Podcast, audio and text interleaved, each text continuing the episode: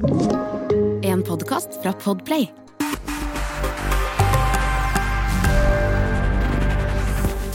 Velkommen til Bli hørt. Podkasten som tar for seg det unike med lyd, og hvorfor det bør være en del av mediemiksen. Dagens tema er lydkonsum og bruken av lyd. Jeg heter Lise Lillevold og er salgsansvarlig i Baver Media og er over snittet interessert i lyd. I dag har vi vært så heldige og fått besøk av Arnt Maase, førsteamanuensis der kom han, ved Institutt for medier og kommunikasjon ved Universitetet i Oslo. Velkommen, Arnt! Tusen takk. Du, For de som ikke kjenner deg så godt, kan ikke du gi oss en kort beskrivelse på hvem du er og hva du driver med? Ja. Jeg jobber på Universitetet i Oslo. Jeg forsker og underviser der eh, på medier og kommunikasjon. Og noe av det jeg har vært opptatt av i mange år, det er jo lyd og musikk. Begynte egentlig på Blindern for å lære meg noter, men har utvikla det videre. Så mm, jeg skrev en doktoravhandling om lyd i TV, har jobba med lyd i film, og også vært interessert i musikk og musikkstrøm og den type ting. Hvorfor lyd? Hvorfor er det så interessant? Jeg har alltid vært interessert i det, fordi at jeg har spilt musikk siden jeg var liten. Eh, Men jeg fikk en nysgjerrighet for det fordi at jeg begynte å legge merke til hvordan det ble brukt i mediene, i film og TV.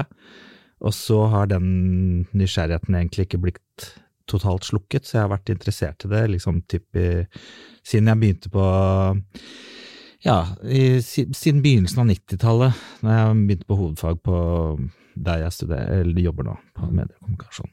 Ja.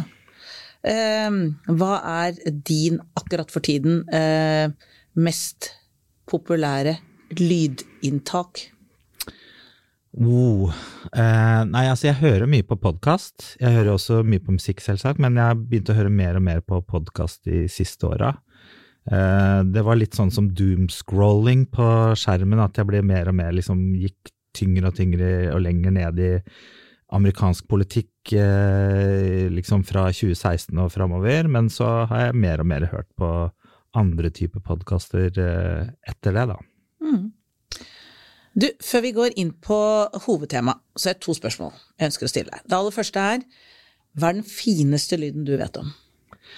Altså, jeg er veldig glad i menneskestemmen. Ikke alle stemmer, men uh, typ sånn altså Don La Fontaine, eh, liksom den eh, In a World, eh, den der promostemmen. Ja, ja. Eller for eksempel sånn der eh, en myk altså Lauren Bacall, for eksempel, hun filmstjernen fra 40-tallet. Helt sånn fantastisk dyp altstemme. Elsker sånne stemmer. Og hva er da den verste lyden du vet om? Altså, så Negler på tavle er jo ikke spesielt bra, men eh, jeg, også, jeg, jeg hater det når, når det er på en måte sånn ekstrem høy reklamelyd som ikke har en funksjon. Altså Det går an på TV, for at da skjønner jeg de vil ha oppmerksomheten din osv., men når det kommer på podkast, hvor du har høretelefoner og uansett har liksom en, en intim lytting, hvis det kommer noe som på en måte er lagd for TV da, eller eh, eventuelt radio, og som blæster liksom 6 dB høyt, så spiller det ikke noen rolle hva det er, da blir det altfor påtrengende og kjipt, så det liker jeg ikke. Har du et eksempel, eller? Eh, ikke sånn på tunga, men ja, mange. Jeg har opplevd det mange ganger. Ja. Både i norske og Eller jeg hører mest på amerikanske podkaster, men også i norske sammenhenger.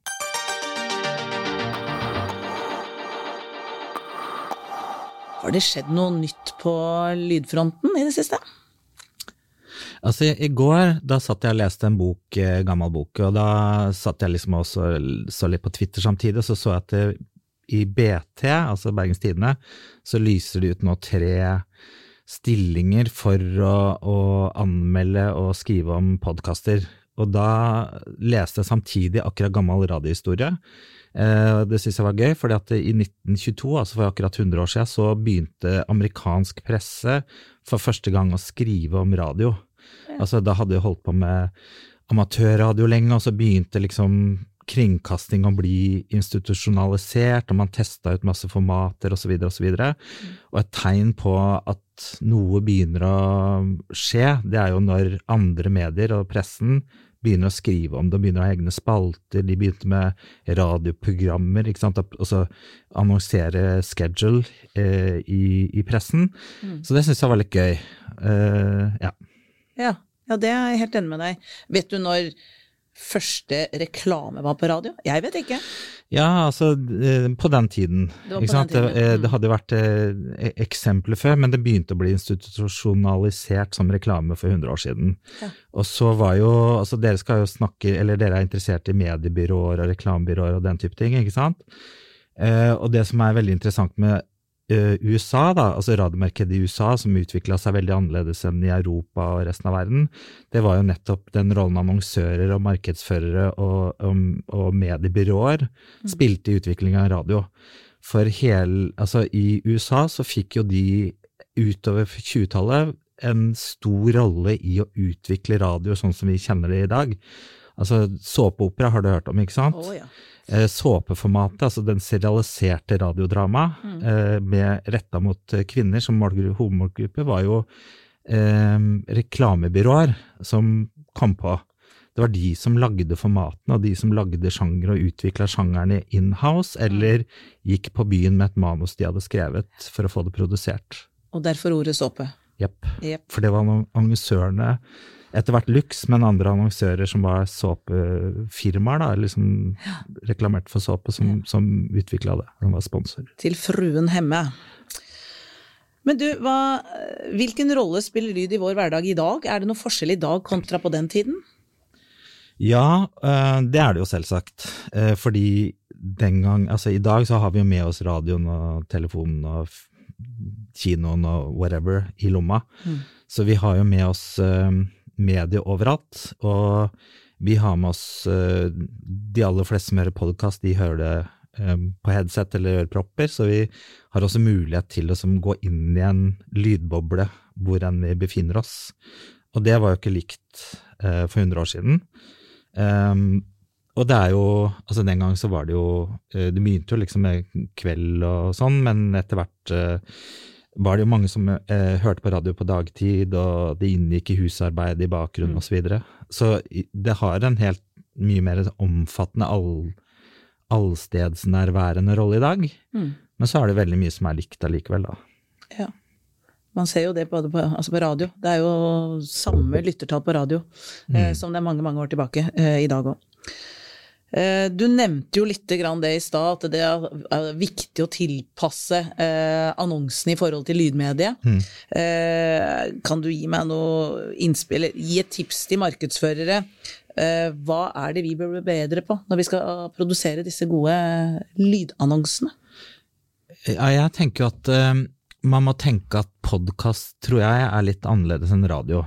Eh, det er jo en del som dobler det, på en måte, som sender ut podkaster av eh, radioprogrammene sine, men da tror jeg det er viktig å tenke at reklamen ikke trenger å ha så pushy eh, lydnivå, og kanskje tenke at du er allerede i en ganske sånn intim lyttekontekst. Eh, så det er nok kanskje én ting at jeg tenker at man kan differensiere litt mer med, med tanke på den, den lyttersituasjonen en, en podkastlytter er sammenlignet med en, en som har radioen i bakgrunnen mens de driver med andre ting. Og som du sier, så er de siste årene har det vært stor utvikling i lydkonsum. Nå blir man jo nesten sett litt rart på hvis man ikke har propper i øra, eller har på seg headset, eller når man sitter på bussen eller på veien inn til jobben, eller man er ute og går tur, eller trener, eller hva det måtte være. Hvordan vil denne utviklingen fortsette, da? Jeg tror at eh, det fortsatt vil være stort behov og mange lydmedier, og jeg tror det vil utvikle seg videre når det gjelder sjanger og formater på podkast, for det er fremdeles et veldig ungt medium. Altså, det er jo noen år, men eh, det er først nå de siste par åra at det begynner å bli liksom fart i markedet, og man begynner å bli enige om hva ting skal koste, og hvordan oppmerksomheten til de som hører skal prissettes osv. Så, videre. så jeg tror at hvis du ser litt sånn i et langt løp, da, så, så var det veldig mye som skjedde med radio, på 10-15 år, og det tror jeg også kan skje med, med og det samme med TV og film osv. Altså, formatene utvikler seg, så finner, eh, finner man ut av ting underveis. Så jeg tror at det blir både mer og, og litt mer sånn differensierte sjangere og mm, ja, målgrupper og programflater osv. Kan jeg tørre å påstå at eh, 2022 vil være the year of the year? Kan godt hende at vi om 100 år, hvis det finnes medieforskere ennå, at de vil si ja, nå leste jeg en gøyal bok om 2022, og det, da kom jeg på at jeg leste en bok om 1922, og det var veldig mye som skjedde mellom 2022 og 1935. Ja. Nei, 2035. Så, så jeg tror ikke vi skal være for utålmodige om at eh, det skal eh, skje brått og fort og med en gang. Eh, den boka jeg leser nå, den handler om fra 20, 20, 1922 til 1950, som var liksom eh, store tida til, eh, til eh, radio, da, som format. Mm. Eh, så vi har, det har, dere har litt å gå på ennå, syns jeg, før dere må bli veldig utålmodige og liksom Det er året som er i år, liksom. Nei, men vi skal eh, passe på å ta oss, eh, ta oss den tiden som er eh, nødvendig.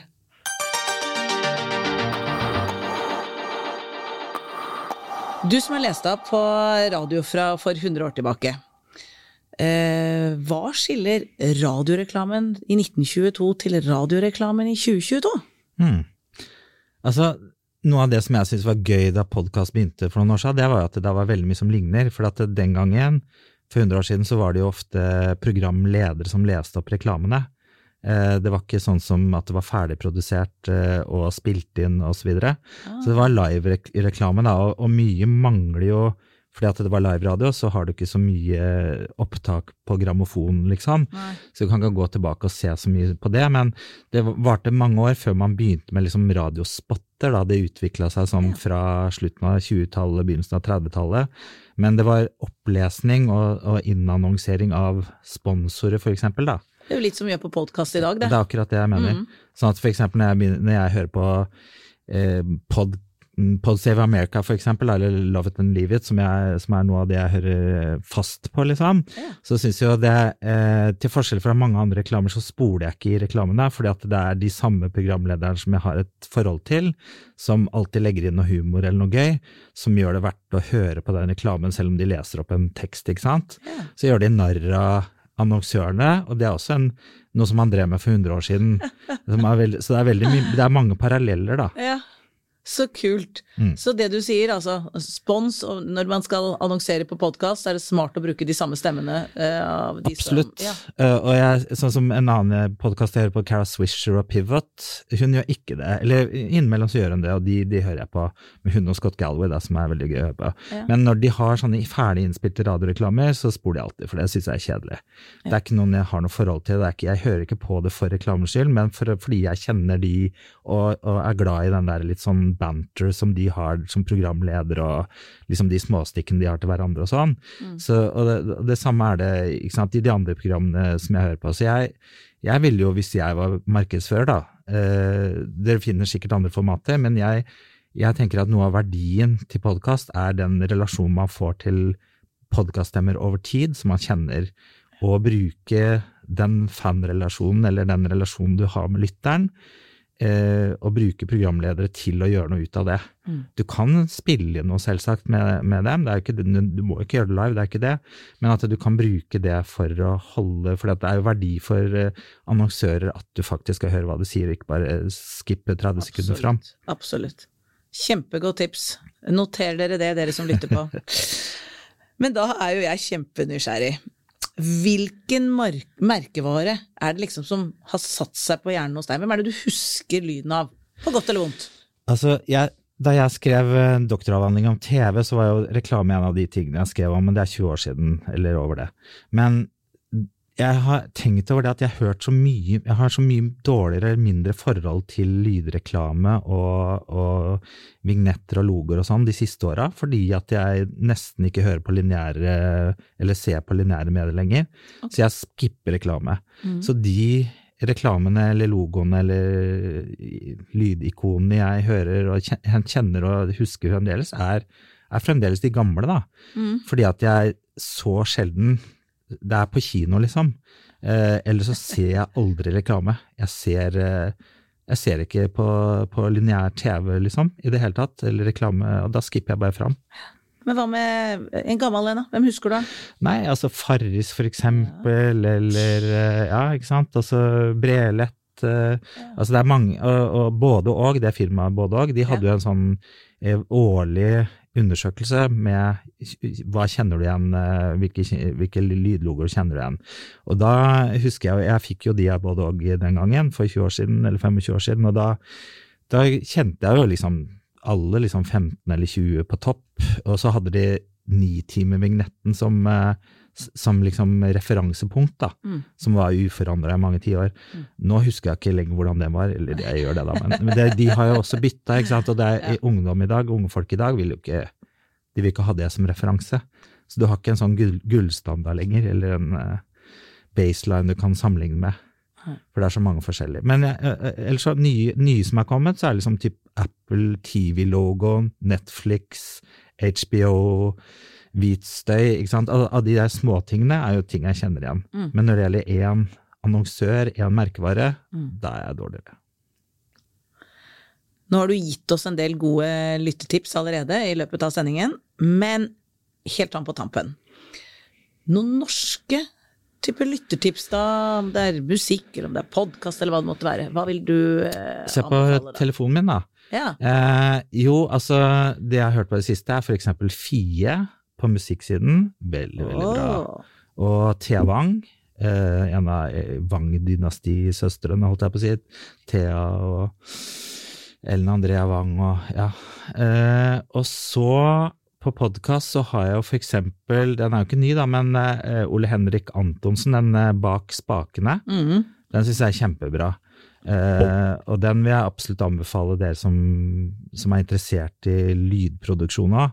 Og han er veldig smart når det gjelder reklame, da, for at han eksempel han, han, reklamerer for Benum, som er sånn lydteknologi, uh, lyddingsselger. Uh, og så viser han, så har han for eksempel reklame han, han, viser ok, når jeg bruker den pluggen her, så låter det sånn. Sånn er det uten.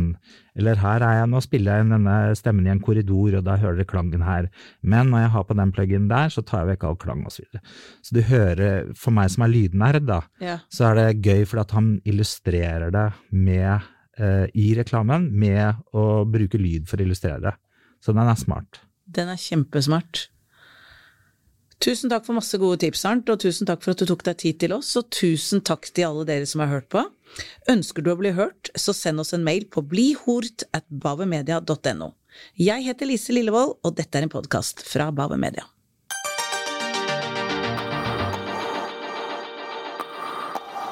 Du har hørt en podkast fra Podplay. En enklere måte å høre podkast på. Last ned appen Podplay, eller se podplay.no.